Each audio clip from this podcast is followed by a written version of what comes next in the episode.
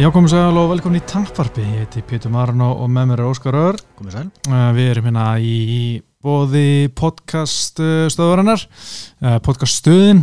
Við erum hérna að taka upp í kópaðanum í stúdínu þeim mjög næ, næs. Þetta er þáttanum með 90 hjá okkur. Já, ok, góð tala. Já, góð tala. Svona pínu, hvað, þrjáraugur sem við tókum upp síðast. Já, það búið að vera svona minni kvöld í gangi. Já, kannski nefnum ekki hendi í podcast. Ég ætlaði að fá reyndar sko kolla hérna bóksara til að koma og fara hans yfir Valdi Fjúri og, Mhm. og svona hann, hann bara náði ekki og ára, hann var að fara út sér satt sko og er komin út núna til bandarækina Mhm. og hérna er að fara em með eitthvað barða þar framöndan Já. sem hann hefur ekki ennþá greint frá hann hann er með eitthvað, hann bara má ekki tala með ópenbarlega ennþá. Uh, en ég veit ekki mikið úst, hver það er sem hann er að berast við eða neitt svo en uh, ég ætla, ætla að fá hann hérna til að fara yfir ímislegt en hann bara því mér komst ekki hann er náðum ekki að taka upp. Mm. svo ætla ég að fá eitt gest hérna mögulega á næstu dögum næstu vikum, Já. uh, eitt bardamann sem er með held ég hafi áhugaver ég held hann hafi áhugaver að hluta að segja sjá hvað gerist bara. En hérna en já, bara svona ímislegt búið að vera í gangi svona lít smáærætt og byrjum bara á hérna svona síðasta kvöldinu sem við fórum yfir Já. en fórum ekki yfir eftir á Ok. og það er náttúrulega Jan Blakowitz og hérna Kori Andersson. Og Blakowitz hann rótaði bara Kor Andersson eftir þrjáru mínútur Já. ég held að við hefum báði spáð uh, Kor Andersson sigri, menn hann bara hann fyrir ekki svo löngu, fyrir hvað, þrjú ár síðan Og það var svo einhliða bardagi. Mhm. Það var bara raskelling. Ég bara gæti ekki ímynda með neitt annað myndi gerast. Náttúrulega, þetta geta allir verið rótaðir með maður, en það, ég gæti ekki séð þetta eitthvað að fara öðruvísi en síðast, sko. nákvæmlega, ég var alveg á saman máli og hérna svo bara einhvern veginn, Mm. Kor Andersson var svona, hvað sem var hérna svona ekki mikið var að tala um hann og síðan rótaði hann Johnny Walker Mhm. og gekk eitthvað bersisgang í búrunu var, var sér til skammar bara hann að ógæslega aðstæðanlegur og, og bara sá eftir í strax að við ekki það en hann var mjög aðstæðanlegur og bara nú er tím til að koma allir fara að tala um mig og bla bla bla bla og svo er hann komin hann að John Jones mættur fullkomin tæki fyrir Mhm. hann til þess að þú veist skora á John Jones og lætur róta sig og bara Já, aftur komið tilbaka veist þetta er svona það svol, var grátlegt. já, þetta er svolítið hans saga held ég bara Já, já, bara komin á þennan stóra pall, loksins, mm komin til bara innan, innan greipar, sko. og það var bara fjarar út já, þetta er mjög daburt En það sem ég fannst eiginlega áhugaverðasti mm. Mm. bardaginn þessa helgi, Mm. bæði fyrir og eftir sem ég var mjög spenntur að sjá, sjá hvað gerist það var þetta Diego Sanchez gegn Michel Pereira -hmm. og það var stóðust allar að þetta var akkurat það sem ég var að svona vonast eftir, sjá hvað ógæslega skrítið -hmm. sem þetta var sjá þjálfarinn hans Diego -hmm. og sjá Pereira með eitthvað fáralega takta en svo náttúrulega enda Pereira að skýta á sig og kemur með, lætur dæma svo leik fyrir kólólulegt nýje Já, að samt Pereira koma svolítið öðruvísti til leik sko. Veist, hann, var, hann, var með, hann var að sína meiri aga mm hann var ekki með heljastökk Nei, nei. og orku að hann var bara að vinna bardaðan bara mjög vel og bara að vinna eins og hann átti að gera. Mhm. En svo náttúrulega kemur hann með, með heimskulegt uh, move sem er ólöglegt og, og tapa bardaðan Já, mér fannst sko þessi þjálfari hjá Diego Sanchez var mjög skrítinn og alltaf en svo sem kom í kjölfari þessi viðtöl eftir á hann fór í viðtöli á Ariel Havani Luke Thomas, Josh Gross við hjá hennar The Athletic. Uh, úst, bara vikun eftir þetta svo í síðustu viku var hann hjá hennar The Smo hann mætti í einhver tvö önnur. Hann bara var endalst í viðtölum að reyna að verja sig og hann kom svo illa út úr hverju einasta viðtali. Hann leiti alltaf út úr að vera skrítnari og skrítnari bara með hverju viðtalinu og, og þetta er bara svona algjört svona delusional fáviti bara hörði að segja sko okay. ég har ekki að nýtta þessu viðtölu sko. Nei, sko ég hef svo mikið áhuga á svona fyrir fuglum ég ve- veit ekki hverju ég elska að sjá svona, og sjá svona gæja vera Mm. svona, hvað sem var hérna, kom upp um svona lottar, þetta er bara lottari þú veist, það er bara ekkert annað að þetta segja Mhm. og hann getur ekki, veist, bara eins og dæmið Luke Thomas var með hann hana. og fyrsta spurningin hans Luke Thomas var bara hver er svona hvað ger, gerir þig hæfan til að vera þjálfari Mhm. Diego Sanchez, þú veist, hvað, er bara your martial art credentials? Já. hann gæti ekki svarað því, hann fór að tala um bara, ja, hvað er að þjálfa? Hvað er að æfa, Diego Sanchez hefur ekki verið þjálfaður rétt í mörg ár. Greg Jackson fór drullið Greg Jackson í fimm mínútur, Mm. í stæðan var að geta svara einni einföld, mjög einfaldar spurningu. Hann er bara heimsbyggingur nei, þetta er bara lottari. Og þú veist, og svo þetta hérna bara, þetta er bara svona snáka ólíu sölumæður, Mm. það er bara típist, veist, hann bara hans er alltaf að hissa þessum hann sagði gaggrin hann hérna Fabia og þú veist, var alltaf að tellja bara svona ég er búin að þjála olimpíufara, lögreglumenn og hersetir sko, en ég get ekki greint frá hver er að þetta er svona NDA, þú veist Non-Disclosure Agreement þú veist, alltaf þegar maður heyrir þetta mm. þú veist, ég er búin að þjálfa hinn á þennan sko, olimpíuleikuna, hann frá olimpíuleikana Já, og getur ekki sett frá hver þetta er þá bara bullshit, Já, bullshit. bullshit. bullshit og hérna og allir, hann er alltaf bara okkur er engi bara, veist, skoða heimasinu menn sjá hvað ég er að gera og þú veist, ég hef skoðað heimasinu og það er bara kjaftaði þetta er bara svona típist systema bull sem maður sér óslega mikið í hérna á svona YouTube green video að ég bara get ekki en að gæða sko. Og þú veist, og auðvitað Sansis hann, hún var að pakka saman á móti Kiesa Mhm. skilinlega Kiesa mjög góður. Pakka saman á móti Pereira. En Fabia bara heldur að frá tönsla bara þið sjáu ekki hvað þetta var masterful performance hjá Diego Sansis What? já, sérstaklega varnarlega þetta er bara Floyd Mayweather level defense hjá Oh Diego God. bara jésús og, og Ariel Helvani var að spyrja hann eitthvað út í þetta og hann, og hann svara alltaf bara, ertu búin að horfa á barndaginn í slow motion? Bara, nei, ég er ekki búin að gera það. Það já, þú getur það ekki, getur ekki dæmt framist um að horfa á þetta í slow motion. Mm. og bara svona, bara, sorry en það skiptir ekki máli, hann fekk 70 högg í sig eða eitthvað í þessum barndaga Mhm. ég man ekki nákvæmlega hvað, já, hann fekk 53 högg í sig í barndaganum, Mhm. það er ekki masterful defense yfir tvær og hálfa lótu á okkur sáu bara ekki þessi snöggu viðbröð hjá hann og, og supervörnina Já, einmitt, sko. Já. og svo líka var svo geðvitt þegar að hann sko fyrir nei, hérna Michael Chiesa barndan kemur þessi Josh Fabia til hérna íþrótasambandi í Nevada sem er hann að baksu svo bara það var í hérna Las Vegas og var að við að sko hann gæti drepi Chiesa búrin að því að hann væri með Já. svo deadly move hann, Diego Sanchez, sem var að læra Fabia að þú veist, hann gæti orð bara dreipið ef Chiesa myndi ekki bara mm -hmm. st- stoppa henn, að dómarum myndi ekki stoppa bara þann strax um leið og Diego Sanz var komið að hengingu ef myndi ekki stoppa bara þann strax og myndi geta hann dreipi hérna Mhm. kísa sem, sem átti að vera svo hættuleg henging sko. en auðvitað hann alltaf bara kjafta og hann síndi henginguna og þetta er eitthvað svona líktist einhverju fjölbræðglímu tæki sem hann kalla Stone Cold Stunner okay. og kísa bara hlóa þessu þegar mm hann komast að þessu eftir og bara já, hann bara aldrei náðið mér í þetta sko. og þú veist náttúrulega Fabi var gaggreindir af þú veist Pat Militits sem við þjálfa sem bæði verið, uh, hvort það var ekki fyrsti veltegtumæstarinn í UFC gott ef ekki. Og hérna, þjálfa líka nokkra meistara í UFC mm. Trevor Wittmann með þjálfa meistara í UFC og toppkonur í UFC og Daniel Cormier þetta sjálfmeistari og þú segir bara þessi gæði veit ekki neitt það hefur verið vísvit að gera lítið úr hans þjálfu- þjálfun eitthvað en ég menna að þú veist auðvitað þegar maður sé svona gæði sem er með null credentials Mhm. í barndæðimunum kemur hann inn og er mjög fyrirlugur þá er menna að spyrja spurn- spurninga og hann bara Já. getur ekki sætt sig við það að hann er með mjög litla fyrirskrá að baki það hljómar eins og eitthvað fíkur og bíómynd eða Já, eitthvað, ég- einmitt. Manstu þetta er hérna myndin Bloodsport já, Hún- ein, hún geður Já, hún er, sko, það var, var gæi sem var að vinna á bakvegi hana sem heit eitthvað Frank eitthvað du, eitthvað svona, mm. eitthvað var eitthvað belgi Ok. Og síðar, þú veist, hann alltaf var með þessa svakasögum, hann hefði tekið sátt í svona móti mm. og hann var held ég einn af svona sérfræðingunum á baku myndina svona bardaðsinu sérfræðingunum og síðar hefur komið ljós að þetta var algjör bullshit artist sem sko, það var eins að hann var að hann leitt vinsinn keira sig út í einhver skó, Mm. hann var með bara eitt póka með sig, bara heru, ég er að fara í hérna bara bardamót núna og hérna, þetta er sko kill or be killed ok. svona og top secret. Já, mjög tóksig, engin vita, má engin koma. Okay. þetta er bara örfáður, bara, ég ætla og það dropp mig hérna út í einhver skói, Mm. ég fer hérna og, og, og getur sótt með morgun klukku þrjú, ef ég kem ekki þá er ég döður bara enter the dragon. Já, eitthvað svo leis og hann er með eitthvað póka með sér. Og einhver vinnur hans bara, ok, ekkert mál. Hann kemur hann daginn eftir, sækir hann. Og þá kemur hann tilbaka með byggar ég vann og hérna og hann bara, ok, cool, og svo kemst það setna því hann var ekki með neitt í pókarum Mm. nema byggarinn, hann tók byggarinn með sér. Hann bara chill í ykkur um kóða já, já, hann bara með, einhvern sveppoka bara og hérna það var kósi skilur, en hérna þetta var svona mm.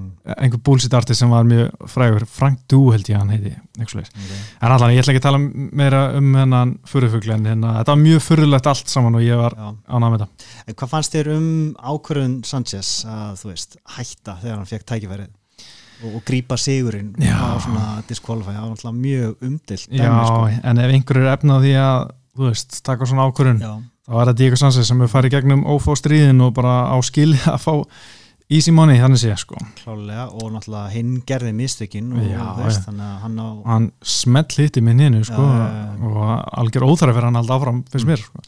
hann er búin að taka skada mhm. en ég menna ef þetta hefði verið ungur upprennandi barndamaður svolítið öðruvísi kannski það hefði eitthvað sé ok, þú veist, ég er ekki að segja hann hefði átt að gera þetta Mm. en svona eins og Anthony Smith, hann bara kom ekki til greina í honum að hætta, þannig að þegar hann fekk nýja fyrir John Jones Mhm. og þú veist, maður dáist alveg því en það er samt alveg heimskulegt þannig sé að hann fekk helmingin min, min, minna borgað er einu miklu minna borgað því að hann alltaf fengið rímas gegn John Jones og Mhm. verið þá mistari mm John, John, ja, John Jones hefur dæmdur að leik hana en þú veist, maður svona lítur alltaf pínu en þá á þetta sem svona, þú veist það er alveg svona ákveðni gæði sem bara er drullu saman eins og Anton Smith sem fara gegnum þetta og ef þetta er upprænandi gæði sem áttar átt að fara gegnum sinn feril Mhm. þá heldur maður smá svona ok, hann er ekki alveg eins harður kannski eins og þessi top, þessi allra hörðustu já, ekki með þetta mentality kannski, maður kannski spyr sig að því Mhm. en ég held að það sé bara svona ákveðin auðvitað er allir grjótarar sem er hana Mhm. en það eru bara sumir sem harða, harðar en aðrir það er bara þannig Já, menn var samt þetta, þú veist, í þriðju lótu þú er búin að vera að skýta á bardaganum í rauninni allar mínútur í bardaganum bóður mjög einhliða. Þannig Já. að, þú veist, eh, við, já, það væri áhugast að þetta kemur upp með, í svona aðstæðum að það væri einhver ungur leiðin Já. upp, hvort hann er gaggrindur harðar fyrir það. Já, hann, en Sansis á hefur efni á því að Já, hætta. en það er- ekki að segja að hann sé um mikið sko. Nei, nei, nei, og það er fárlega að segja það um um í kvöldi var þetta Felder Húker Já. Dan Húker og Pól Felder og Mhm. sko það var mjög jættbardagi Já, ógæðslega góður bardagi. jætt, góðu bardagi Mhm. Mér fannst eiginlega Felder að vinna sko Já, mér fannst samt þetta, þetta var eiginlega bara það jaft að þetta Mhm. hefði getað farið hvort megin Já, já. og ég eiginlega er ekki með skoðun að því hver hefði átt að vinna veist, mér fannst bara að veist, þetta hefði mátt vera jafntöfli í mínum já, já og eiginlega bara leðilegt að að þú veist, þurft að tapa mm og, og náttúrulega hætt í kjölfarið Já, en hann er ekki hættur ok, hann er búin að segja það, Já. Hættu við að hætta Já, hann, átt aldrei að ákveða eitthvað svona Nei, beint nei. eftir bardaga sko. það, er, það er alltaf nei, en þú veist ég skil þetta alveg, þú veist, en mér finnst hann vera pínu svona, þú veist, eins og hann var hérna, eftir Sigurinn og Edson Barbosa sem var líka hefði alveg getað dotta hinni megin, Bets Mhm. Barbosa megin já, þá var hann ekki að tala, hann vil bara koma inn alltaf að fá topp 5 gæja fekk það ekki, fekk Dan Hooker sem er Mhm. vissulega mjög góður en ekki alveg topp 5 mér finnst hann svona ekki alveg átt að skilja að komast í topp 5 en þá Pól Felder mér finnst hann bara ekki aldrei hafa verið það góður hann sé topp 5 gæja Nei, hann hefur ekki verið þar Nei. hann hefur verið bara mjög solid, top Mhm. 10 gaur já, jafnvel 15 en, en svona já, alltaf átt eftir að sjá næsta leveli hjá honum sko. mhm og ég held að, þú veist, hann sé ekki að fara mikið lengra hann er 34-5 Mhm. og búin að vera í þessu lengi Já, það er svona, þú veist, samt að byrja að freka sendur þetta held ég, en þú veist, er komin aldrei komið fínt jobb í auðvitað Mhm. sem ég fannst það er ekkit sérstakur kommentator sko með við, þú veist, hann er ekkit slæmur mér finnst bara Krús og Kormier Já. og Dan Hardy miklu betri já mér sann fín, fín á þú veist, minni kvöldunum mm, svona, já, alveg vel svona góður að útskýra hluti finnst mér sko. já, Já, já, já, en hérna fíla hann, sko. já, en mér fannst, einmitt, bara ógæslega jættbardagi og, og, og góður, sko, góður bardagi já. En þetta topp 5 og 10 þetta, þetta, er svo, þetta er svo loðið þetta rankingstæmi já, þess að Seróni er ennþá númer 5 þá er hann sem búin að tapa hvað þremuri já, þrýr röð, einmitt þannig að minna hvað bullið það? Já, en svo fannst mér gaman að sjá hérna Angela Hill.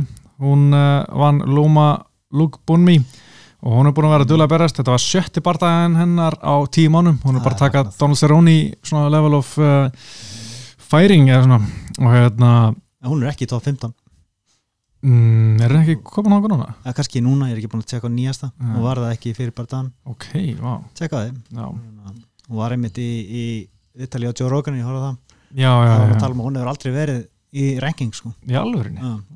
Það, veist, maður gerir bara ráð fyrir að hún verið þar sko. Já, hún er náttúrulega þekkt sko, já, en hún er samt aldrei verið eitthvað svona það mikið að vinna, Já. unnið það marga í röð það actually. hefur verið svona hún hefur verið að vinna og tapa til skiptið svolítið sko. Já, hún er nummer 15 núna. Hún er komin í 15 Já. já, frábært. Já, meina hún barðið sko 25. januar mm svo fekk hann auðvitað síndal frá auðvitað -hmm. tók hann að barða hérna í, Nýja Sjálfandi 23. februar ok, það er grjótart er Saróni ennþá nummið 5 ég held að. Það er voða erfitt einhvern veginn að, að lækka menn á svona lista. Já, þessi er hann nummer 6 já, en svo komum við aðeins síðasta kvöldi Mm. sem er Benavides Figueroa Eredo Já. þetta var mjög skemmtilegt kvöld, ég var annað með þetta. Mm Fullt af svona skemmtilegu barndum sem maður bjóst ekki við endilega. Kannski man ekki nöfnin alveg núna öllum sem gaurum en bara að, að það var eiginlega bara besta skemmtun. Já, en náttúrulega aðalbartaðin Já, Davison það var Jósef Ben- Benavides og um leið og Figueroa náði ekki viktinni, það var bara hann vinnur Benavides, það var svo típist, sérstaklega fyrir flugveitina mm -hmm. þú veist, þetta er svo típist þegar er eitthvað svona nýr flokkur eða nýtt belti þegar svo skýtur á þessu viktinni það bara put all your money on him. En með maður guðurnir já, Æ, þetta var svo, þetta svo leiðilegt eitthvað og núna, þú veist, nú er beltið ennþá veikant mhm. og hvað á að gera, þú getur ekki sett Benavides eiginlega aftur hann inn, veist, eftir svona slemt tap, þú getur valla sett Figurero þarna eftir að skiti hann verður samt verða sko, er, er það, ég menna á það skilið þú veist, mér finnst það eiginlega ekki sko. nei, nei, en hann vann. Hann vann, en hvað var hann mörgum pundum yfir, þreymur? eða? 2,5 held ég. Já. já, og ég menna Sehudo er ekki að fara aftur niður. Nei, ég held að það verður bara Formiga. Já, en veistu hvað ég hefði verið mest til í? mm. Alltaf, kannski tölum við um eftir Hósi Aldón alltaf fara í Henry Cejudo. Og það er bara því að UFC vant að main event aðalbarta í Brasilíum já, og Hósi Aldó versus Henry Cejudo sel, selur miklu meira í að miðum í Brasilíu heldur en Henry, Henry Cejudo og hérna, Störlin já, eða Petri Jan. Í Brasilíu. Mm -hmm. þannig að make a lot of sense. En þú veist Henry Cejudo og Davison Figueiredo flyweight titill Brasilia já, hefði það ekki bara verið fínræting en þú veist, það er februar núna, þetta er í mæ veist, neða, hvað mars, sorry, 3. mars mm. um, það hefur verið fínt sko, að geta græðið þetta en í staðan er Hósi Aldó fá oversköldan tilliborta á með að vera með tvo geggjaða contenders, eða allan eitt geggjan Petri Jan, aldrei með störlingar fít sko en já. ég er dýrka að horfa á Petri Jan berjast sko bara þeir báður mjög skemmtilegir og Já. Jan er algjör badass sko. mm og svo náttúrulega er þetta með líka fleiri gaur eins og Kori Sandhagen þessi flokkur náttúrulega bara algjör hákalla algjör hákalla búr sko. já, í staðan er Og- gæja sem er búin að tapa tveimur það já, þetta er eiginlega alveg glata sko. Já, þetta er faralegt sko. Já. og kannski förum betri yfir þetta aftur með hérna samanböru við Romero sko, en Mhm. þetta er alltaf, da- allt annað dæmi, klárum hérna flugvitina sko, þú veist, líka Benavides hann er 0-3 í tilbartum Æ, sko, þetta er var svo fýtt ná ekki líka. að það er toppgæi einhvern veginn og þú veist, maður heldur hans með hann og- já, þetta er erfitt sko. Og líka bara, ég er búin að fylgjast með honum síðan bara WEC og, og hann, hann vinnur alla Já, nema mhm, í titilbardaðanum og, sko. og alltaf aftur og aftur og aftur. Menna, hann, var, hann var að gefa Dominic Cruz góða samkeppni en í gamla dag já, en alltaf hann kemst á toppin og maður held að þetta væri augnablikið. Já.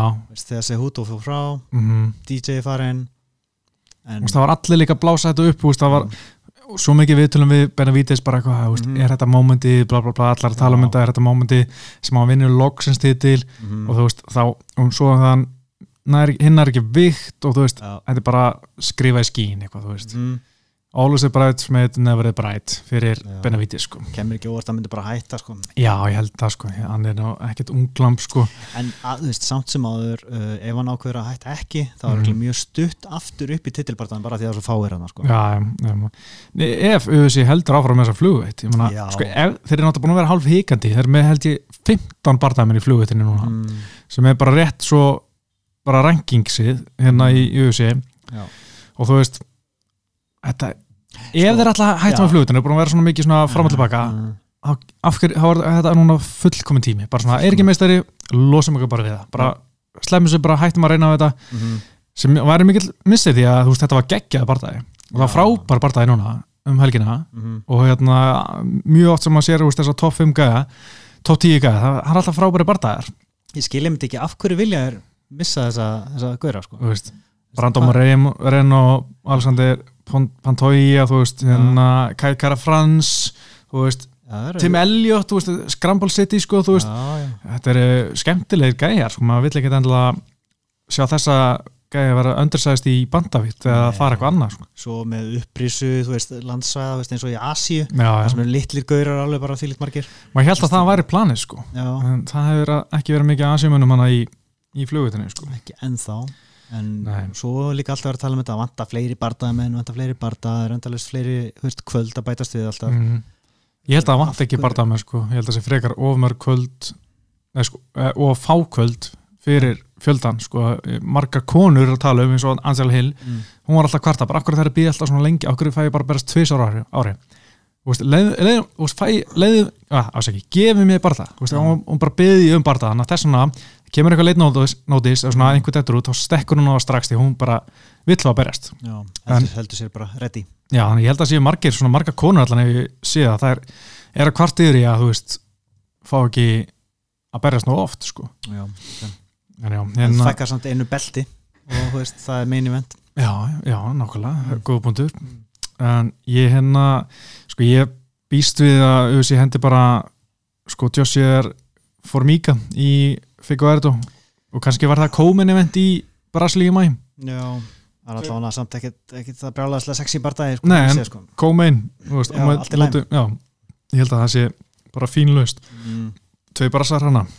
Já, ekki Já. ólíklegt sko. Nei, mitt, og hérna það væri held ég bara henda einhverju mestra hana og svo bara sjá til eða þeir ætla að halda áfram Mhm. en hérna, mér varst líka áhvert þetta kvöld voru að sennilega allar konunar í fjæðraut hvenna voru að berjast á svo kvöldi.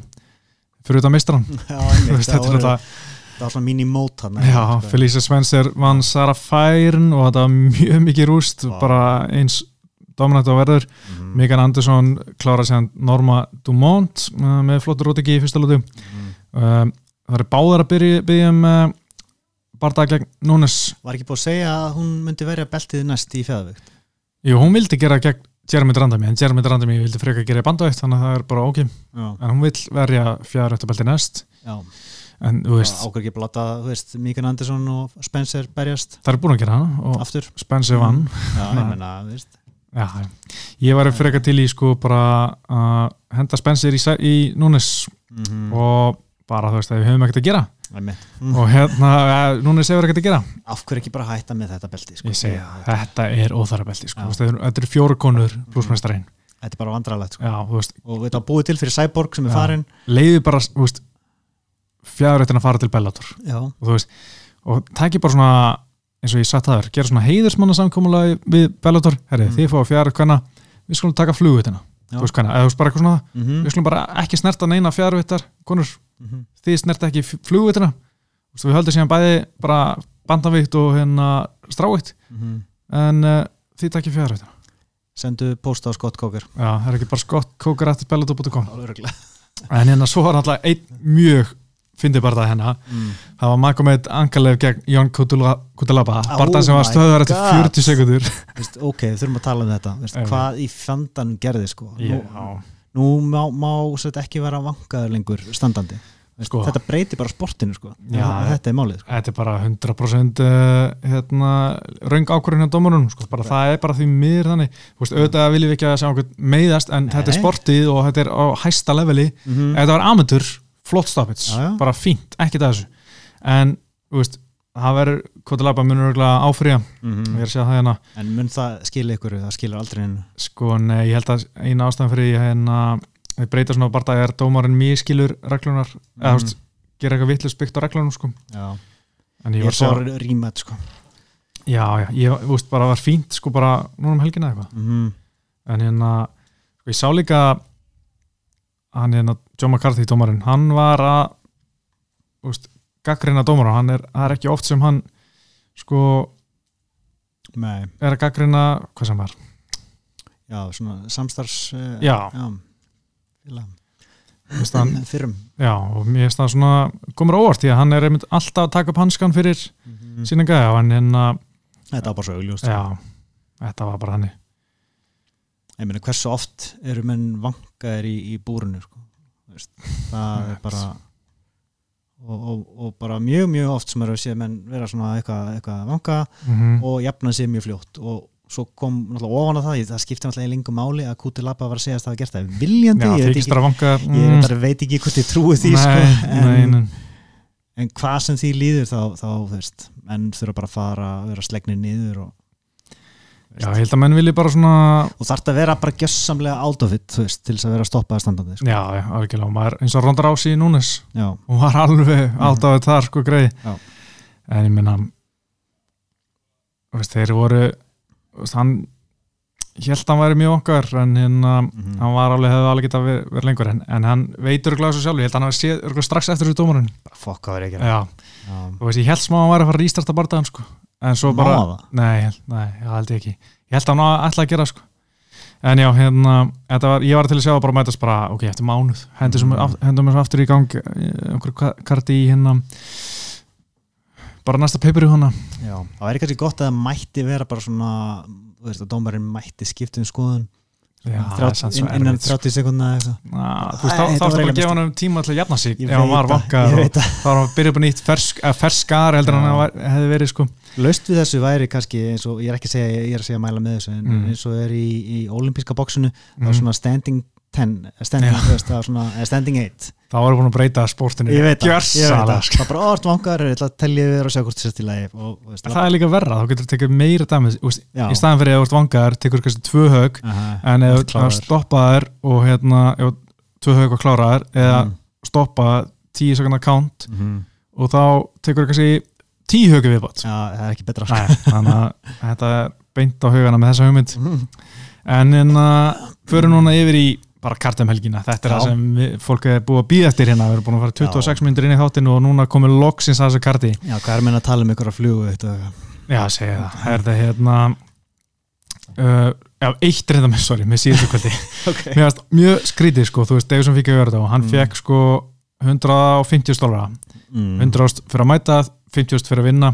Mm. uh, Benny Vítis fær 30% af þessu. Já, og líka, líka af, af vinning Já, 30% af Heildinni. heildinni 150% Ok, flott. uh, 150.000 dólara, þú fær Mm. 30% af því en svo var sem er skrítið að Figueredo misti sko hann átti að fá held ég 25 dólar frá Reebok fyrir mistar tilbarta mm. en ég held að Reebok hvort hann átti að fá 30.000 en Reebok að því að hann náði ekki vikt í tilbarta þá fekk hann bara 5.000 frá Reebok Var það eitthvað smátt leitur í þeirra samlingi? Já. ah, og veist kannski fáralega pyrrandi það og fyrir Ah. einhver peanuts frá Reebok Aha. fyrir að ganga í fatnanum þeirra á leiðin inn í búri og það er ekki eins og hann úst, skiti á búningin frá Reebok eða eitthvað, gert Nei. eitthvað smána Ætti Hann bara að náði ekki vikt. einmitt skiptir engum máli og Reebok tekur 25.000 dólar af hann Mér finnst bara magnaða skuli ykkur í markastildinni á Rýbúk fatta það að setja þetta inn í samlingin sko. ég held ekki markastildin, lögfræðingar Nei, eitthvað. ykkur, ég Já. segir svona en já, já, já, það er bara eins og er það er eitt í lokin. Valdir, Já, ég horfði á hann. Afsökunin. Það var geggið Já, afsökun. Þetta er Búningurinn. topp 5 þetta, er besta ásökun sem ég hýrt þetta er bara það, held ég svona mann menn töpuðu sko. Fór með lappirnar. Já. svo sá ég reyndir eitthvað tweet sko einhver var að tala um að þegar hann var í hann var að tala um Mm. hann æfi alltaf með hérna 40 puttan vesti á sér Já, svolítið óhefilegt og svipu Æ. þyngd á búningurinn Einmitt, sko. þetta var flottið búningur Þetta, já, já En þú veist, mér finnst það samt svo heimskulegt að fela andlitið Þú veist, þegar þú ert með miljónum manns að horfa að þig lappin í ringin og bara allra augur á þér og þú ákveður að setja upp grímu sko. já, ég sense. tekur hann af áður en berst sem allir er að fara að horfa á Ég veit það, en þú veist, þú Ég held ekki en hérna, já, þetta var flott framstæði fjúri Þetta var bara, þetta var bara svona boxmistari sem að þetta myndi mig bara á þú veist, Bernard Hopkins Mhm. og, og þú veist, Holyfield, hvernig hann tók Tyson notaði, þú veist, þingdin alltaf að liggja á honum, notaði hausinn til að pirra hann og svona Mhm. næstuði í headbuttan og bara, þú veist, ítt honum afturbak, leta hann berjast uh, afturbak og bara, já, þreyttan og bara algjör, algjört mestarverk, fannst mér, já, þetta var flott einhliða og það verður uh, rímats í sumar Já, ég held að þessi slæmi hugmynd já, mér finnst alltaf leðilegt að það er einstaklega rímats Ég held að það sé bara slæmi hugmynd fyrir valdir, ég held að það þurfi meiri tíma til þess að bregðast við þessu aðlagast mm. Veist. kemur, kemur kannski léttari búningin höst Já, það var endalega kemur örugglega bara í stupu sem á búið já, sko. já. þetta er eitthvað sem ég hérna Deina vætar alltaf svo mikið á móti. Já, að menn séu með eitthvað svona sjó í walkininu hann vil bara menn lappin í búrið og gera sem það er að gera. Það þólir ekki eitthvað svona, eitthvað læti sem er skrítið fyrir promóter að segja en, en kannski eitthvað millistig, þú veist, kannski Já. ekki líka eins og, eins og Fjúri var, þú veist, hann var á, á borin á hásæti, svona eins og prinsinn í gamla mm Mhm. og tekur, þú veist, fucking hálftíma. Já, ég veit það, þetta óþólandi Já, en þú veist, og kannski fólk búið, eins og þú er búið að vaka til fimm eða eitthvað. Ég vakti ekki eftir þessu sko en, en ef ég var að vaka þetta var ég á- þetta var erfiður tími þannig Já, en hérna, mér varst líka að fyndi sko já, förum við eftir, ég er að blanda Adesanya inn hérna, Já, en hérna, förum bara í Adesanya og Romero loksins núna. Já, og sko, mér finnst þetta bara mjög spennandi bara geggjaði og dagir sko. þetta er bara besta sem svona milliðutin gatt, uh, Uzi gatt gert með milliðutina það er engin annar sem er að býða þetta í rauninni veist, það er búið að útiloka veist, Whiteman, Rockhold og Sousa, veist, þeir eru ekki lengur í toppmyndinni uh, kostaði mittur, það er engin að býða og þetta er bara gaurinn sem að, er hættulegastur á listanum og, og allir vilja sjá, hann er búin að tapa hann nokkur sinnum en allt mjög tæp töp og þú veist 42 ára, hversu lengi er hann að fara að berjast þannig að bara nýtum hann núna sko. ég er bara, er, er svo peppaður í þetta sko. alltaf gaman að horfa Romero mm -hmm, nefnilega, hann hérna Romero, þú veist sko, eins og Adesanya, þú veist hann er búin að gera allt rétt, Já. hann er komin í þessi í februar 2018 mm. þetta er sturdla stutt síðan og hann er meistar núna að fara að vera belti mm. og þú veist, auðvitað hefði maður verið til í Pála Kosta en Pála Kosta reif tvíhjöðan hann var að körla og mikið í giminu Mm. þannig að hann var bara að býða en, veist, en Romero, þú veist, það er engin bara svona farið létt í gegnum Romero, það er bara svona að fer bara hérna, teka niður og söppan. Þetta verður alltaf bara eitthvað djöfilsins stríð. Alltaf verður ógeðslega erfitt að fara á móti Romero. Og þú veist, þó hann vinni verður hann að mun finna fyrir því sko. Já, þetta er nefnilega tækifæri fyrir Adesanya að, að gera þetta auðvelt sko. Já, veist, það mm, er þið impressive sko. það væri það sko hvort sem það er rótök eða bara outpointan örglega sko. Einmitt, sko. Ég meina, hann vildi berast við Romero, hann vill bæta Já. þessu nafni á, á svona ferilskrána, svona Mhm. búa til sitt legacy mm. með því að vinna Romero og, og ég fíla þetta, veist, Já. fíla þetta allir allir og þarna er hann að hann að skora svo mikið að stigu með þessu sko mm -hmm. Veist, hann hefði geta beðið bara, hefði geta heitla bara býðið til kosta Mhm. eða fá hérna, hvað segir, Jared Cannonier eða eitthvað sem er kannski ekki alveg versköldaður núna en hann bara, herru, fyrir Romero Já, og, og þetta er geggjað þetta er bara frábært og, uh, samt svona bardagi sem að, veist, að búast flesti við því að Adesanya vinni mm -hmm. það vita allir samt að þetta er alveg geggja challenge og ætti að vera skemmtilegu bardagi uh, og bara svona fullkomin svona milli, milli bardagi þá til að koma að kosta Já, svo lengi sem að fara í gegnum Romero Já, sem er bara stórt spurningamerki sko. og mm -hmm. hinliðin á sig er veist, hversu gaman að veri ef að Romero myndi bara vinna beltið sko. það veri alveg stemning sko. Það væri stemning en uh, Mm. það væri rosalegt eiginlega. Ef hann myndi sko róta ég held að hann verið að róta uh, að þess ég held að sé einhvern veginn hann er umulegur að vinna lótur bara já, eða þá bara að allt í henn byrtist wrestlerinn sem að Mm. þú veist er að þar við veist einhvern veginn alltaf með wrestlingi hjá honum að hann nær, hann heldur mennum ekki niðri hann Nei. nær ekki að halda mennum niðri hann góður á náfellunni Já, en ekki svona klempa og það gerir ekkert mikið fyrir dómarana, Nei. reglunum og ég veit ekki, þú veist hann hlýtur samt að geta hitt ég minna að hann var eitt besti wrestler í heimi sko. já, já, ég bara veit ekki hvað er í gangi okkur hann nær ekki að halda mennum niðri sko, því að veist, það skiptir máli líka í, í hérna til að skora stík dómaranum, er að gera skaða í gólfinu. Já. en, er málið að hann verður of aggressífur í högg og þannig fara menn að standa upp eða veist, er hann ekki bara að hanga nóg mikið á mönnum? Veist, ég er bara ekki að skoða ég bara skal ekki segja sko. Nei. en um, sko náttúrulega að hann vill berjast mikið og, hérna, og það er bara gaman og, og mestilega svona áhugaður pappir nei, barndagi út frá pappirunum Mm. og veist, bara svona alveg veist, þetta, þetta geggja kickboxeri maður sem var, ég veit ekki hvort hann var unni einhver stóra tilla en hann er með bara kickboxari, mm Mhm. hann var um, einhver 80 barndagi kickbox ára fyrir Emma svo erum við bara pjúra, eða bara geggja wrestler, var á olimpíuleikunum Mhm. hlaut silfur, silfur olimpíuleikunum 2000 og þetta er bara svona akkurat það sem menn vildu þegar menn voru að búa til MMA veist, hvaða stíl er bestur? Og við erum með svona nokkurt veginn að fá það. Mhm. auðvitað er báður í MMA MMA barðamenn.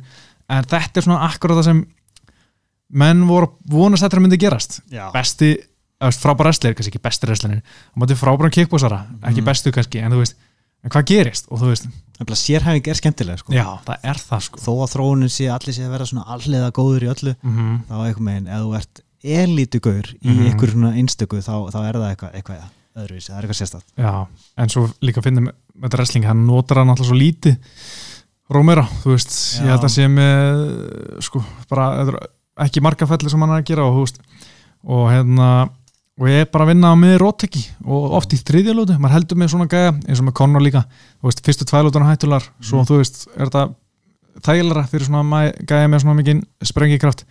En hérna hann er bara með sex rótökaldi í þriðlótu mm, það virðist vera bara með fárlegt úthald þrátt fyrir skrokkin, þrátt fyrir aldur. Já, veist, hann, hann virkar uh, líkluðu til alls veist, í fjörðu og fymtu mhm. þrátt fyrir allt Einmitt, og hann alltaf næstil búin að klára vittikri í fjóruða fyndu í setjum barðan þeirra. Einmitt sko. Mjög hættulega þar. Mm, en svona, ég held að vita allir veginn hvernig barða þetta verður. Mm. -hmm. allir senna verður svona pikkan í sundur með lungum spörkum og kannski feints og hérna mikið svona blekja og vera mikið að póti hann. Ég held að mann ekki segja eitthvað svona hann setur aldrei neitt allan þunga í spörkin þetta er svona 50% spörk. Mm, og hérna og Romero svona hann mallar áfram svona með eitthvað svona skriðna hreyfingar, kýlaði læri og svona heldur sig ekki mikið lókn og svo mm, sprengir hann og kemur eitthvað fljóndin hér sem er hættulegt fyrir alla. Mhm. þannig að ég held að veri ógæslega áverð að sjá bara veist, hvernig þetta mun spilast. Ég held að þetta veri pottitt langu bardagi og ég held að veri bara skemmtilegu bardagi. Mm, en, hérna, en það er bara svona gaman að sjá hvernig þessi stílar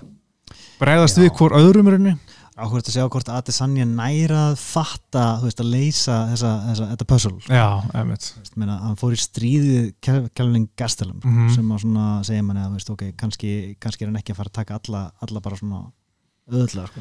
nei, einmitt sko en um, alltaf Romero er svo, svo unpredictable sko. mm þannig að það er spurning hvort hann ná að leysa það einmitt sko og, og lesa þessi, þessi, þessi, þessi lunging hug sko. mm það er eða stóra og veist, alltaf í kringum Romero barða elska ég að sjá rótöki á móti Luke Rockhold. Þetta er svo brútal sko, hann situr hann að greið og svo bara kush. hvernig hann fylgir eftir. Ó, það er, mér finnst það vond en ég elska að sjá þetta einhvern veginn sko.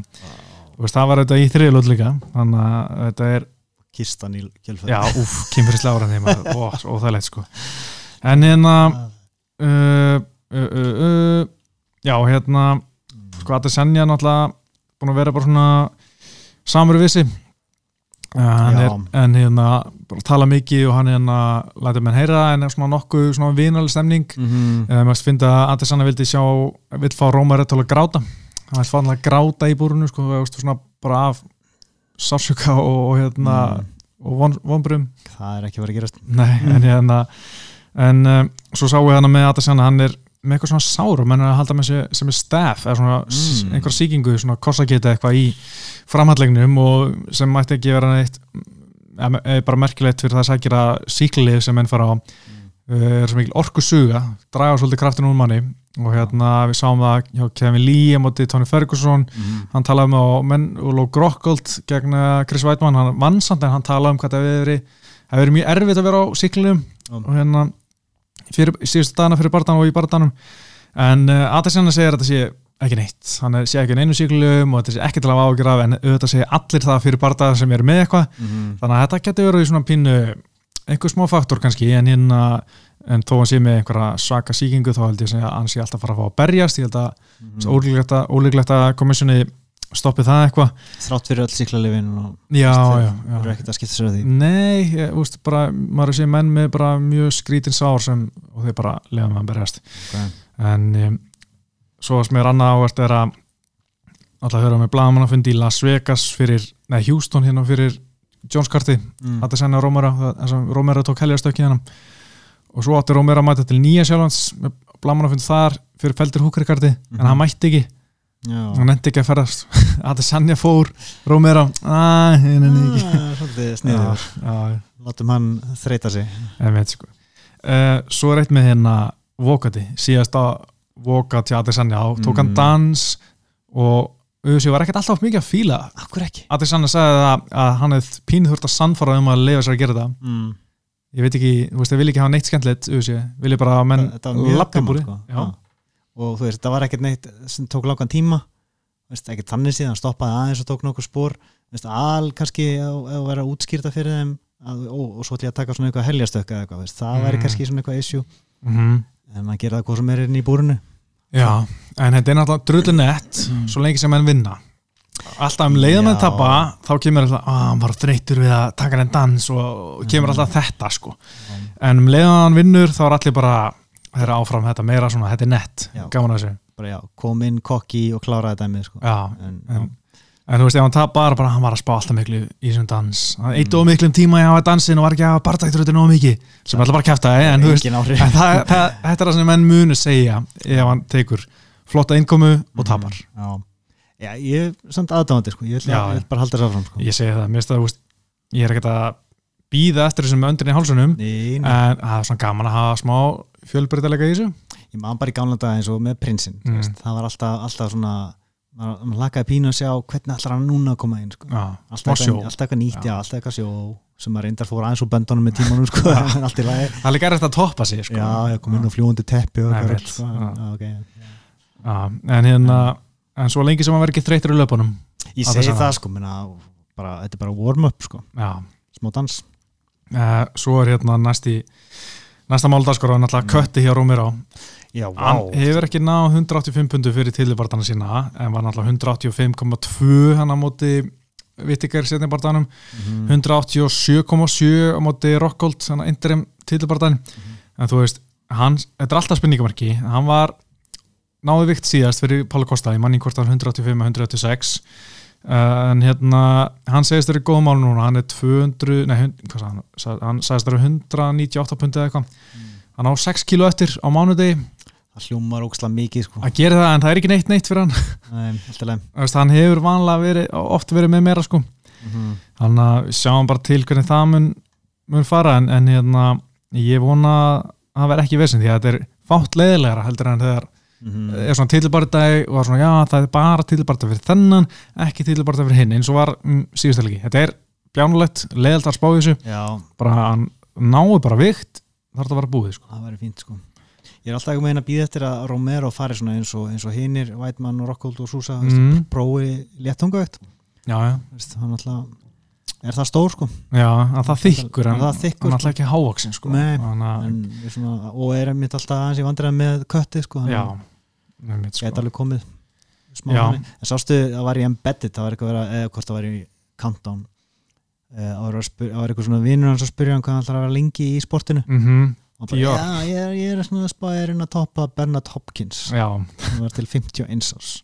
Þannig að það við höfum kannski bara eftir alveg mörg ára Romero sko. Já, en sko ef við fyrir svona aðeins í bardan sjálfan sko, það sem maður er, eins og vorum að tala um á hann bara búist við, þetta verði langu bardagi Rómæður gerir lítið kemur sprengir inn á milli, en mm -hmm. maður heldur eiginlega svolítið að það sannja bara sjáu í gegnum þetta allt, viti þetta, en þetta er alltaf svo hrætt þetta er sprengja, en þú veist, hann alltaf er bara svo góður að svona, hann alltaf með svo mikla reynsla, hann er svo rólur bara nautabanni.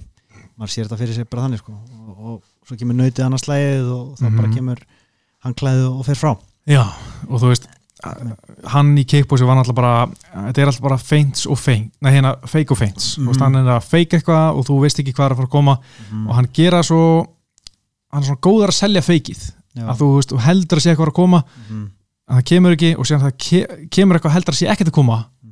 þú veist, þetta er bara svona eins og gullnareglan er að þú veist, feinti lítur út eins og árás en árásin lítur út að vera feint og þá ertu alltaf að giska og veist aldrei hvað er að koma og svo er hann alltaf líka hérna ótrúlega góður að gera aukslunum með um hann hann selur feinti svo vel Mm. að þú átt svona pínaðert með að, að hérna, vita hvað er að fara að koma Já. en svo gætu við lendið því líka ef það búið að vera kannski tvær svona nautabanna lótur mm mm. þar sem að Romero, er ekkert að ganga hjá honum -hmm. að hann ákveði bara, ok, nú ætlum ég bara að pressa hann og bara blitza Mm veist, og breytum bara það aðferð veist, það geta alveg já, kom bara með fléttur upp í búrið og mm reyna að róta hann en það er náttúrulega að að hann líka svo góður að finna vinkla og koma sér úr vandræðum. Já. þú veist það er svona ég man maður lærið þetta bara í kickbox hendur einum á sín tíma en að þú veist þú vilt aldrei taka fleiri en tvö skref aftur á bakk. Mm. þú veist þú vilt taka kannski tvö skref og fara svo að taka vingil og fara til hliðar. Annars bara að bakkar og mikið endur bara náttúrulega í köðlunum eða upp í búrið og ert fast við þar. En, en að hann tekur bara svona og stundur bara eitt skref svo tekur hann vingilin hann er svo ógæslega góður að taka vingilin strax. Það er eitt af svona eitt af besta sem gerir. bara forritað inn í hann. Já, og hann er hérna búin að vera náttúrulega bara geggjað sko. Og hérna, og það er úkslega gaman að horfa hann í standandi viðregn sko. Og ég er bara hlaka til að sjá hvernig þetta mun spilast en, en ég er svona, held að allir sé ef við sem báðum nokkuð sammálum hvernig þetta fyrir að þú veist, er verið nautabanni og tekur þetta eftir dómarokkurinn Já, ég er svona erfitt með að sjá hann á að klára Romero. Mm veist, það er alltaf bara, maðurinn er búinn til úr stáli sko. Það þyrfti eitthvað, eitthvað fullkomið headkick eða eitthvað til þess að vangan og svo bara Mhm. eitthvað finnir sér gólfinu en já, langlíklegast að nýja stegum mm, algjörlega. En uh, næsti tillibartæði er Veli Shang og Jonah Jacek mm -hmm. annar geggjör Já, ég er mjög spennt fyrir þessu og stráutin er lang besti flokkurinn í þessi veist, við erum með Veli Shang, Mhm. Jonah Jacek Jessica András, Rósnám Jonas báðar fyrir mistrar mm sem hafa ekki barist síðan að töpu titlanum og hérna er bara mjög áverð að sjá rauninni, hvernig stráutin með spilast bara næsta árið. En uh, það sem er áhverð eitt áhverð við þennan parta er náttúrulega Shang er frá Kína. Og það er náttúrulega koronavírusin búin að vera að hafa heldur betur áhrif á hana sko. hún fór, -hmm. þurfti að fara frá Kína 1. februar, bara herrið, og fekk síndal bara frá auðvisi, bara þú er að fara frá Kína núna því annars getur þú bara lendið að komast ekki úr landun eftir þú veist, þegar þú að fara sem er fínt, það er smá komfort barndaginn er on en þetta var heldur betur ekki gott kamp sko með það sem maður er að lesa, hún fór Nei. til Thailands já. og aldrei fara þangaður Mhm. komst, komst í eitthvað game sem hún kynntist hana var það, svona nýkomin inn í aðstöður búin að vera í viku, þá bara herri varst að fara frá Tælandi núna, til bandaríkjana nei, til Abu Dhabi. Já, og einhverjum ástæðan fór að þanga ég veit ekki alveg hvað, hvernig veldur hvað veldur sko, kannski var hann ekki komið að vísa eða eitthvað, ég veit ekki, mm. í bandarækjunum og hérna fyrir til Abu Dhabi og þar er hann ekki með neitt. Hún var, Mhm. vissi ekki neinstar hvað hann að æfa. Þannig að hún var að æfa hjá, á bara hótelherbygginu sjálf. Var ekki með neitt með sér til að byrja með. Svo komu þjálfara og hitt hana og hún var í svona að feistama með styrsta þjálfara í bandarækjunum á meðan. Ok, búin að vera vesen. En hún fór, komst til bandarækjan 20. februar, búin að vera það síðan þá en þú veist, þetta er ekki drauma undirbúningu fyrir fyrstu titilverðina gegn fyrru mistara sem er með mikla reynslu Mm, sem er mjög bara erfið í alla staði sko. spurning hvort það hafi einhver áhrif veit ekki einmitt sko, þú veist hún er samt, þú veist djúvillig góð í öllu Já. og, ætti ekki að þurfa nema bara að vera í formi og veist, þannig séð já, þetta er bara spurningum, þú veist, vera með tímasönding Já, spurning hvort líka hvort sett með eitthvað specific gameplan fyrir Jóhanni, ég veit ekki hvort Mhm. að hún spila leikinn þannig, hvort hún sé undirbúið sér sérstaklega fyrir anstæðingin einmitt sko, eða bara svona almennt. Einmitt það er, er þetta ávart að sjá en sko mm. hún var líka mjög, mjög fyndið að heyra hún veil í sang, hún var eitthvað að vorkina sér þetta var erfitt kamp, hún var úst, Mm. kemst ekki að æ- æfa almennilega og bla bla bla og var að ringi mömmu sinna og sem ég yfir þessu og mamma hennar bara herði hættu þessu væli, það er hérna læknar á hjúgrunningurum sem er hérna ekki búin að í marga daga til að trýta fólk út af svona vírus að Mm. þá var hann bara svona ok, þetta Það er er, satt. þetta er alltaf leið það er mjög að bara fyndið sko að heyra hann að tala um þetta Já, en hérna það sem er náttúrulega áhvert við þetta er Vili Sang, hún er náttúrulega bara 4-0 í þessu Ég veit að hún er svo ný, maður, maður var alltaf séð neitt af henni sko, að það er svo erfitt að meta sko. hversu góð er hún mm -hmm. Þó hún hafi litið fárlega vel út þá er hún ekki búin að berjast við allar þessar stelpur sko. Nei, hún er búin að klára 2 af 4 Já, eitt með submission og eitt með bara TKO mm. maður er einmitt svona ekki alveg viss hvað hún stendur sko eina af topp stelpunum sem hún er búin að eða konunum, mm. það er Jessica András mm Mhm. sko. Tísi Torres er náttúrulega mjög góð og allt það sko. Já, já, en það er svona viðmiði sem maður hefur sko, og Einmitt, það sko. var svona fljótt róttöku í fyrstu lótu sko. já, og þú veist það sem uh, svona sagan sem kemur úr þeim bara er að Jessica András hafa átt hörfulegt kött í Kína sko er ekki alltaf ykkur afsökun Jú, en þú veist bara að segja, þú veist Mm. kannski þannig að maður er ennþá svona, veit ekki alveg hvort hún sé mun betri en Jessica András eða ekki, þú veist, mm. menna að Jessica András hefði bara ekki komin á vel stemt inn í þannig bara út af bara köttinu og tímamismunur og eitthvað jetlag í gangi í Kína mm. en ekkert mál, veist, þannig að þannig að ég er svona, maður er ekki ennþá þá alveg viss um hvar, hvort hún sé svo besta í, í stráfættinni, en uh, mjög spennandi að sjá hvort hún geti farið í Joanna, en var ekki típist. Joanna vinnur Velisang mm og fekk þessi Jessica András aftur, vinnur hana. Svo kemur hún aftur í Rós tapar aftur þar. Svo kemur kannski vel í Rós Rós, tapar þar já, það er bara gaman. Æ, meina, þetta er bara, þetta er bara mót sem að, þú veist, allar mögulega samstæður eru bara briljant þetta er bara fjara manna deild já, fjara til sex, þannig að, já hvað sem gerist þá verður þetta gott, sko. En ég held að mun segja okkur mjög mikið um hversu góð hún er bara Mhm. hvernig, hvernig þessi bardagi kemur út. Já, ég er að spá sko að tippa á Jóna eh, ég er ekki þar. Nei.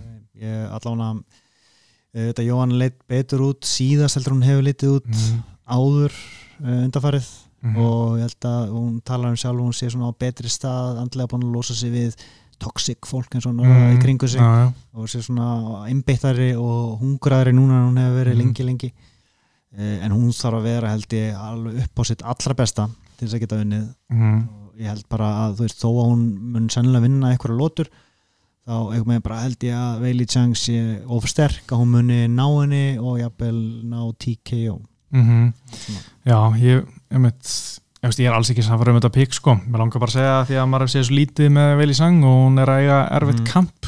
Og hérna Já. en ég hef ekkert verið eitthvað rosalega impressed af því sem Jóna hefur gert sem hún að tapa tillinu, þú veist, náttúrulega þrjú töp móti Valentínu og, og Ross Namajunas svo Tísa Torres sigurinn ekkert eitthvað geggjur og ekki heldur gegn Michel Waterson. Nei. Æ, þetta er kannski ótímabart eða svona, ég er ekki alveg búin að hugsa þetta út í, í gegn kannski, en hérna en svo ein spurning sem kannski þú veist, alltaf fór móti Michel Waterson núna í stráið síðast var ekki vandrað með það en þú veist, þetta er ekki hún alltaf fengi sér eitthvað kísil í bringuna Já, það er svona ímislega sem bendur til þess með svona myndir sem hafa byrst sko. Hann alltaf þyngdi í því sko.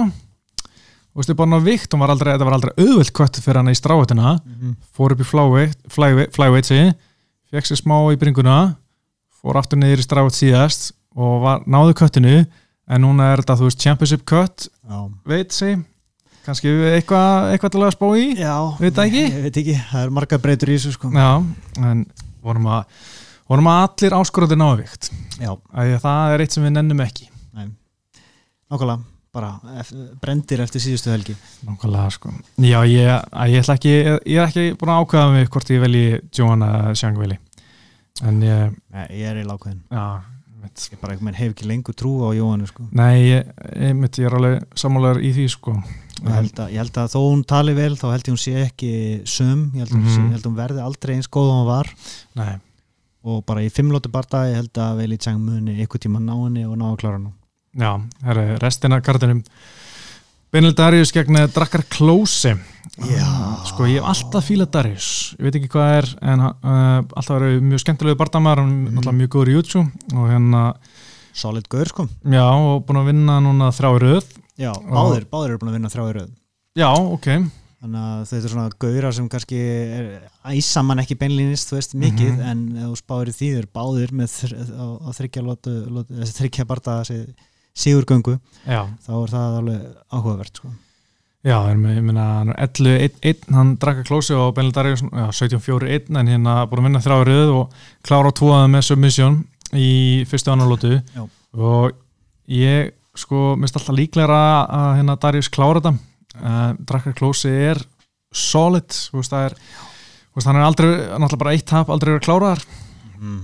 þannig að þetta verður svona þetta er orðið bara mjög jæmt svolítið fram og tilbaka en hann var wrestlaði í hérna kemur wrestling bakgrunn, hann drakka klósi Mhm. og er ákveðt glímar en það spurning hvort að um, Darius sé það góðu glímar, hann geti klárað hann eða ekki, já, hann er alltaf góðu kickboxar líka mér finnst mjög erfitt að spá þessum barda sko. mm -hmm. bara virkar mjög jaft og getur orðið bara svo sem að kemur inn högginu, hann vinnur sko. Já, ég ætla bara að tippa á Darius eftir dómarakunum sko. vinnir Já. bara fleiri lótu með betra Shushisu ok, þá ætlum ég að taka Dragar Klós Já. og Rótiki Segir, svo eru næsti vinnur okkar, Níl Magni hann er að fara að berast aftur núna eftir langa tíma bara Alltaf var rótaður á móti Ponsinibio í november 2018 nákvæmlega. svo lenda hann ykkur í USATA brasi magna að hvoraðu þeirra hefur barið síðan þe- þessi bardaði var. Já. Ponsinibio eða Magna mm Grátum ekki Ponsinibio en, Æ, mér er það skemmtilegu bardaða með sko, þó að já. þó að þessi svolítið dörti og,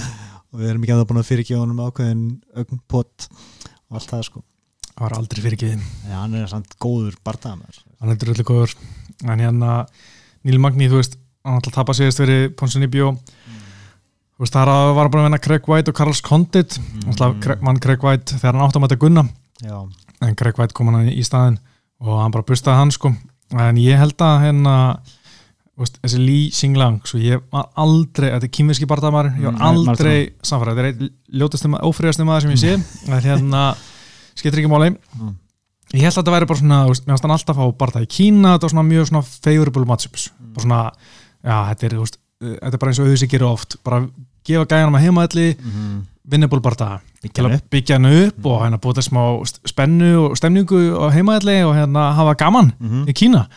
Og allir barðana svo hann bara minna hérna einhverja fjóra, nei, fimmastið sex og hérna standa sér vel og ég var ekki seldur. Bara langt í frá seldur þetta væri einhver gæi. Mm svo vinnur hann Elisjó Saleskit og Santos já, með rúttök í þriðu lútu og hann bara rústunum þangað til. Það kom mér rosalega hórt ég held að það Mhm. myndi Li Xingliang fá svona rút af veikning Mhm. og eru bara að pakka saman. En hann átti ekki ekki. breyk hann var hann náði rúttök í þriðu lútu og var að vinna fram að því hann uh, Li. Já, magnaði ég eiginlega mann ekki eftir þessu barða Nei, en, en já, eiginlega sammáli var aldrei seldur og, og svona fyrirfram allan hefði haldið að Magni væri betri gaur heldur en þessi gaur sko. mhm, en þetta er samt áhugavert í ljósi þessa sko. mhm hvort þetta hafi verið eitthvað flúk þessi Dos Mhm. Santos svona barðaði Já, hann var í Kína mm. líka já, ætti ekki að skipta máli Nei, margir tala um að sé erfitt að fljúa austur sko já, svolítið langt ferðalega En, jetlag og já, spurning, jetlag, hvað, sko. spurning hvað var mættur lengur fyrir barðaðan Akkurat, og menn geta skýta á sig þar sko Já. En hérna, ég held einhvern veginn að að þetta veri mjög jættparta líka svona, mm. þetta er svona einn af þeim sem ég veist erfitt að spá í sko, en, en ég bara gef Magni reynslu fórskott og svona seglu fórskott að einhvern veginn held ég að bara ná að seglu sig heim, bara svolítið svona klins uh, svona nýja í klinsunu eitt og eitt takedown, eitthvað þannig. Mm en hérna, já, ég er bara ég er mjög spenntið fyrir þessum náttúrulega alltaf gaman að velti við þinni já uh, ég ætla að gefa Magni í þetta Já, ég held ég líka, ég tek Magni líka sko. Um, og sennilega bara á stigum sko. Já, en svo er svona annar Íslandsvinnur, Alex Olivera Alex Cowboy Olivera Já, sem þarf nöðsynlega Max Griffin. halda. einmitt, sko, Olivera er búin að vera í basli, sko, hann ætla að tapa fyrir Gunnam tapa fyrir Mike Perry og svo fyrir Niklas Dalby í hérna, náttúrulega september í, í Köpnau Allt góði bara þar en, en Já, hann er í- í Öllinu samt sko. Já, það er erfitt fyrir hann sko, hann náttúrulega eftir Gunnar bardaðin fekk hann hérna svona handsprengi í fótinn, eða þú veist, svona sprengibrótur handsprengi í fótinn. Og svo var hann eitthvað fullur að uh, stela batninu sinu, var í svona, hvað sem var. Hann hérna fór til eina mörgum batsmóðurum sínum mm. og tók átjámanna són sinn fullur á móturhjóli Það rændunum Já, og hérna, en síðan hann skildi hann eftir í sýstu sinni eða eitthvað. En uh, hann er búin að vera í smá basli í persónulega lífinu. Litrikt líf hjá hann eitthvað. Já, sjö börn með sjö konum held ég, Já, held ég að veri mm og uh, eignast tvö börn sama deginum ekki, ekki með sömu konunni, ekki týpur það það sko. Er pælt í því. Já. Hvað er allar að vera sko. Skæpa sig öðrum megin. Ég veit það er magna fjara barna fæðir, Mm. hvað, 19 ára gamall? Já, ok, þetta er bara eitthvað Þetta er eitthvað annað sko, það þarf að búa til bíómyndum Já, ég veit það er aldrei að vita hvað gerist. En, en Max Griffin alltaf, hann er svona búin að vera mjög góður. Solid gaur Já, solid ég, held, ég held að hann yrði komin lengra. Mhm. en hann bara búin að vera að tapa ansi mikið eiginlega en samt er, er mér finnst það að vera betra rekordi segir sko. Já, hann er með þrjá sigur og fimm töpu í þessi sem er náttúrulega ekki geggja en ég menna eitt af þessum töpu var gett Curtis Millender sem var mm, þá mjög, á mjög góðu striki. Uh, tap gegn Tík Alve sem var mjög skrítið fannst mér, mm. mörgum fannst að vera skrítið split decision, en mörgum fannst að vera svona pínu heima dóngjastlega þar hefði alveg getað dotti hérna, Max Griffin megin en alltaf svo hann að vinnur að Mike Perry þegar. Mike Perry var hot and heavy manstu því.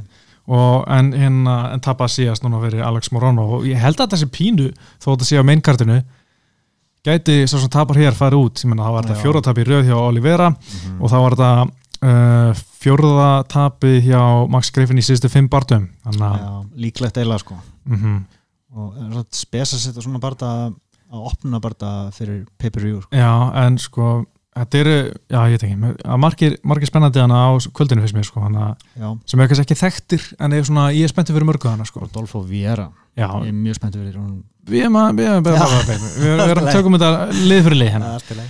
En ég held að ég, held að, ég gef alltaf þeim sem uh, hafa tapað fyrir Gunna, eða bara stu Gunna ég hef tipp alltaf á þá, þannig ég ætla að tippa á Olivera þó ég sé alls ekki samfærður Nei, ég, ég geti þetta ekki. Þetta er Max Griffin að wrestlar hann í drasl bara. Já, ég var eiginlega að hugsa það sko. Ég þetta er Griffin sko en uh, Olivera samt getur alltaf rótað sko. Já, um, hann hann er mjög skreppi gaur sko. Og þetta geti alveg orðið blóðut uh, stríð fram og tilbaka sko. Mm Svo er hann næsti bardagi, eða Mm. fyrsti bardagi, nei síðasti bardaginn á Prílins, það er Sean O'Malley og Jose Alberto Ah. Quinones sko, loksins er Sean O'Malley að fara að berjast Já, hann var dæmdur í bann gáta kannabis Nei, nei, sko, hann það? barðist í februar, nei mars 2018 mm. einmitt, uh, ég held að sé bara hvað sé, akkurat ár í dag 3. mars Ok. en hérna barðist á við uh, uh, Andrei Sukumtja ég man ekki hvernig maður segir þetta Mm. og Andrei Sukumtath já, 3. mars 2018 en síðan búin að vera í Júsatavisin og hérna fyrsta lagi er náttúrulega bara sko, þetta er aldrei cannabis en það koma svo mörgum á óvart að þetta séu ósterin, ósterin styrar mm. okay. en hann sko átt að mæta Hosea Albert Quinones í oktober 2018 en uh, fjalla liðbróð skamum fyrir barða hann sem var Óstarín fannst í liðbróðan hans fekk 6 mánu bann sem var talið var að efnið hefði komið úr menguðu fæbutrenni átt síðan svona aftur uh, bara já, síðasta sumar uh, gegn Marlon Verja vera, en aftur var hann dreinu á barðanum að því Óstarín fannst í liðbróðan hans. Og þetta var mikið sjokk fyrir ómálið því hann fylgdist ótrúlega vel með öllum fæbutrenefnum sem hann tók Ok. og helt matadagbók og fór undir fleiri liðupróf til að komast að í hvaðan efni var að koma. Og niðurst að Júsata var að Ómali hefði ekki viljandi tekið inn efnið og hann aftur að sína fram á ólulega efnið kom, hefði komið úr fæðabútræfni Var þetta píkogram ykkur eða? Já, ég bara veit ekki sko fekk 6 mánu bann sem náði frá 7. ágúst og kláraðist 7. februar þannig að hann er bókar í barða núna aftur gegn Jose Alberto Quinones Mm. og hérna hann verður bara mjög spennandi að sjá hann aftur. Skemmtilegu gæi, ég held að hann sé ekki fara að vera mistari en ótrúlega skemmtilegur karakter Já, hver veit, menn hann er það ósigraður og, Mhm. og menn segja hann sé núna allavega að tala um það í hvort það hafi ekki verið embedded eða accountant mm. að hann væri búin að bæta á sig á vöðum Ok. og hann væri orðin betri en hann var síðast Já. hann að fá bara vonandi að sjá mjög flotta útgáfa á, á Mali Já, já, það var bara spennandi mm. uh, Svo erum við Danan uh, Mark Madsen sem náttúrulega Mm. uh, var ólipileikunum og tók uh, silfur ólipileikunum 2016 í Ríó. Og hérna bara sem fyrsta varta í, í, í kaupundarum í Sættuber kom einu veit þar, mástu og móti Ítala sem var svona, hvað sem var? Þetta var sérsniðin fyrir hann. þetta var mjög eh, svona óinnilegur co-main event Já, það var TKO eftir mínútu og 12 sekundur og náttúrulega Luka Jelsic sem er núna þjálfari mjölni, hann hafði áður unnið hennan Ítala líka. Já, og hann sagði bara, þetta er bara eina leiðin þetta er bara auðvitað leið til að vinna hann. Brotnar þetta pressu, mhm. hann þarf bara að taka niður kílan og hann klára þetta bara á mínútu sem er mjög vel gert en, en Luka sagði bara að það nákvæmlega svona sem að vinnur hann og Luka gerði nákvæmlega sama við hann á sínum tíma. Ok. Þannig að uh, mér finnst það að vera pínu svona gefins fyrir hann, þannig að ég er mjög spenntur að sjá hvað hann gerir núna og hann er að fara á móti í gæði sem heitir Austin Hubbard sem ég man ekki mikið eftir hann 1-1 í það var ekki aðeins að kíkja hann á hann ég bara man ekki mikið en, en áhörtinu alltaf með Mark Madsen uh, Arna Freyr Vikfússon uh, svarspeldi í Jutsu, hann er glímuþjálfur hans í Danmarku Já, ok. Og hann er að vinna með hann um eitthvað. En hann er alltaf búin að vera að æfa svolítið í Las Vegas líka fyrir hennar barna hann Mark Madsen. Hann er alltaf representar af Ali Abdelais uh, þeim uh, góðkunningja þáttarins. Já. og hérna við held að hann fara alltaf til Vegas svona nokkur viku fyrir bara að hann klára kampið þar. Þannig að áhært að sjá bara hvernig hann kemur til leiks og alltaf gaman að sjá svona skandinava á stóru sunni og fylgist alltaf með þeim. Það er gaman ef að Dani verður eitthvað stór sko. En já, hann er alltaf orðið 35 ára gammal sko. Það reyndar. Og náttúrulega var í wrestlinginu lengi. Hann er 9-0 núna. En uh, ég meina Romero, gammal hann kemur í USA, Já. Daniel Cormier líka. Uh, Randy Couture gammal líka, þetta er allt Mm. wrestlara sem uh, voru á olimpíuleikana komast næst í olimpíuleikana og hérna hann að ég er bara spennandi að sjá hvort hann geti verið lifa jætt lengi eins og, og hinnir Já. Hef ekki mikið um þetta að segja. Nei, En- ok, spilaði, hérna þú varst ekki að gera. En- en svo kom á þínum manni, Rodolfo Vieira Já, hann er að fóra á móti Sabarbek Safarov. Það er bara geggja glímum maður mm -hmm. Og áhugavert að hann sé að fara á móti sambókur sko Mm en maður svona haldið að þú veist það er alltaf verið að byggja vér á uppsöldu Já. en veist, hann er samt, hann er ekkert það gamall hann, Hann er þrítugur. Já, hann er, hann er markvaldur heimsbestari í YouTube Já, hann er með hérna sko, 2011 tók hann 94 kiloflokk og 8 flokkin mm. á, og gera líka 2012 og 2013 tók hann silfur í 8 flokknum en vann mínus uh, sinnflokk líka 2014 tók hann mínus 100 og tók silfur í 8 þú veist, þetta er bara HM sem svartbelti sko. Já. Og svo tók hann að ADCS í 2015 99 kilo flokk. Mm Hann- Já, hann er að berjast í mínus 84 kilo núna. Hvað aðeins meira? Er ekki að það ósigraður MMA Jú, 6-0 og og berst eins og nýju UFC Emmett uh, submission í annar lóti þar. Og búin að klára alla bardana sína í já, alla bardana bara og, og þar af eitt tíki á í gólunu en svo allt bara submission. Og gæðin sem hann er að fara á móti er ekki merkilegu papír ég man alltaf eftir þessum gæða mm -hmm. af því að hann er uh, fór á móti Sjáum við landi í förumröðin sínu sinni. Og þetta er uh, algjör svona bullum bull kall. Að sveiflar og ekki mikla tekni svona, hann var í léttanguveikt fórum átti sjáum við landi hérna og Tyson Petro hann er búin að vinna eitt barda í UFC, hann er 1-2 og hérna en ég held að þetta sé bara gefins bardaði fyrir Rodolfo Víra, hann tekur hann klára hann í fyrsta lútu með, þú veist, submission það er bara verið að gefa hann reynslu. Ég held að, ég held að Mhm. það sé eiginlega útilokað að hann tapir þessu. En geð gaman að sjá svona alvöru glímugur að koma Mhm. og þú veist það er minnst alltaf mjög heillandi sko. já, alltaf gaman sko. Þessu gauður eins og Gary Tonon og veist, já, sjá hvað þeir geta svo í MMA ég með sko, það er alltaf, alltaf gaman. Mm. uh, svo er hann að Deron Vinn, uh, gæinn sem er æfingafélagi Randi Kót, nei hérna Daniel Kormir og er svona 1.70 hæð en er að berast í milliðuttinni kom hann í Contender Series? Nei, Eh, nei. þetta er ekki sá Mér finnst það alltaf mjög áhvert að horfa hann hann er svo ógeðslega lítill og er að keppa í, þú veist, alveg stórum flokki. Hann er sko hvað er hann til stór? hann er 170 cm hæð hann lítur út, hann er svona dverglega vaksin, litlar Já. hendur, stuttar hendur en er góð wrestler sko. hann var, hann náði helviti góðum árangri sem wrestler mm aðeins með Kormier, kemur frá AKA og var náttúrulega léttungavikt síðan sem er þetta útrúlega fyndi sko, þá var hann ennþá minni en hún komin niður í millivitt okay. aðeins betra en hann er að fara á móti gæja sem er alveg góður, hann er svartbelti í Júts og ger allt mýrsjart mm. Að á móti Jitsar, það er alltaf gaman já, hann að ég, ég held að það veri skemmtilegu bardagi sko og hérna, en ger allt mýrsjart hann er bara ekki með tankin fyrst mér til þess að fara veist, lengi að að gasa svolítið mm.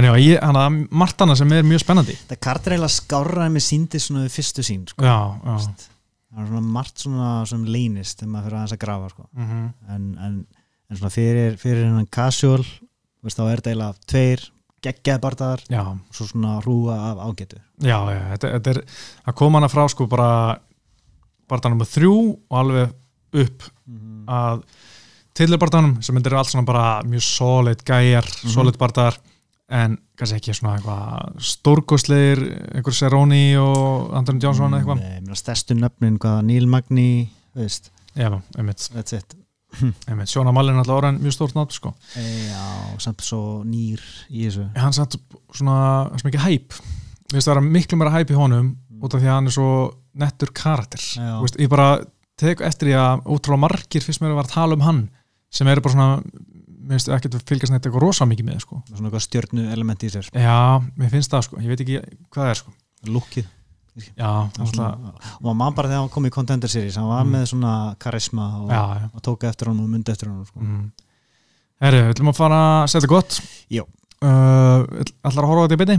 Ö, nei, nei, ég gera það herri, eitt í lókin hérna uh, sko, við erum að fá barda að hérna Bjarki Ómas er komið barda í lóka april og Pro Atur barda hann er að fara á móti 1-1 gæja. Mm -hmm. hann er alltaf sjálfur 2-1 þetta er í Sunderland uh, sjói sem heitir Rising Conquer. Ja. og þar er Bjarki Eithors líka fór barda hann er 1-0 uh, Kári Jóhannesson líka komið með barda og Venet Banúsi það er fjóri íslendingar hann á wow.